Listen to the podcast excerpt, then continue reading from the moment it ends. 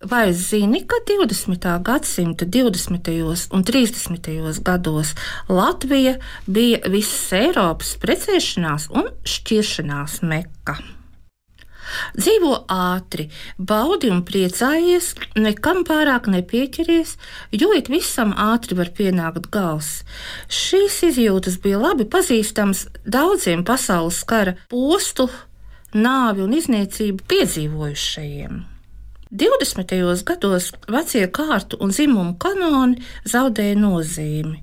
Karā savu morālo un nereti arī fizisko spēku apliecinājušās sievietes drosmīgi griez īsus matus, krāsoja spilgtas lūpas un acis. Graznākajās dinējās viņas varēja sastapt arī tērpušās 30. gadu sākuma modernākajā sieviešu uzvalkā smokingā ar kravati.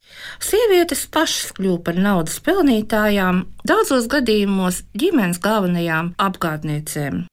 Tomēr, ja kādu nosauca par modernu sievieti, tas gan parasti nebija uzskatāms par komplimentu. Jo Latvijas sabiedrība, kuras lielākā daļa, vismaz 60%, dzīvoja un strādāja laukos, savā būtībā bija un palika dziļi patriarchāla, un apzīmējums modernā sieviete asociējās ar jaunlaikiem raksturīgo pagrimumu un tikumu zudumu.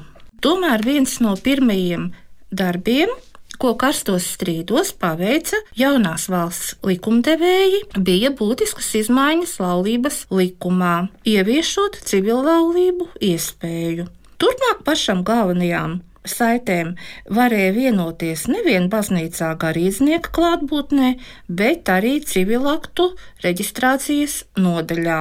Savukārt, lai izšķirtos, pietika tikai pierādīt, ka laulātie trīs gadus dzīvo šķirti. Vēlāk tas Latviju padarīja par vienu no šajā ziņā progresīvākajām valstīm, par precēšanās un šķiršanās meku, kur laulības slēdza un šķīra arī daudzi ārzemnieki.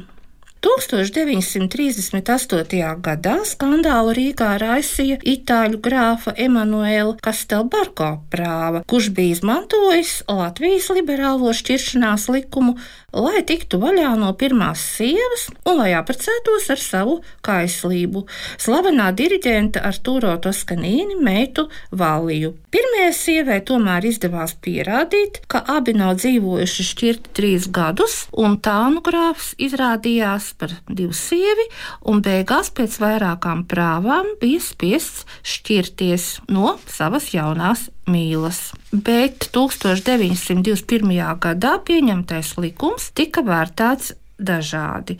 Aspāzija no satversmes sapulces tribīnes pauda liels solis progresa ceļā, lēciens pāri veciem laikiem. Pretējās domās bija latgaliešu pārstāvis Francis Trasuns, uzsverot, kā likums vajadzīgs tiem, kas dievam netic, baznīcā neiet, un bērnus grib audzināt nevis kristīgās ticības garā, bet pēc savas ētikas.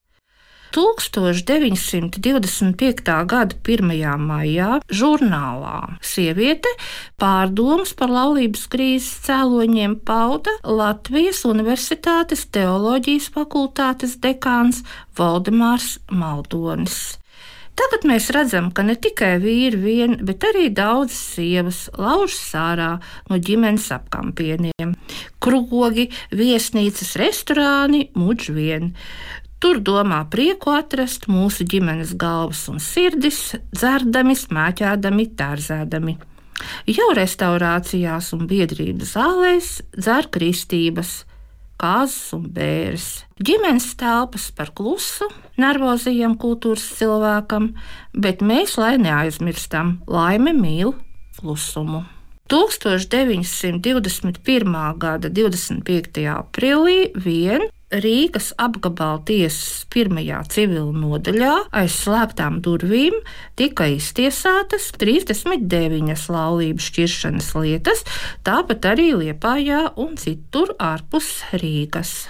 Bet 1935. gada 31. janvārī laikraksts Rīts vēsta, ka katrs piektais cilvēks Latvijā vienkārši neprecas.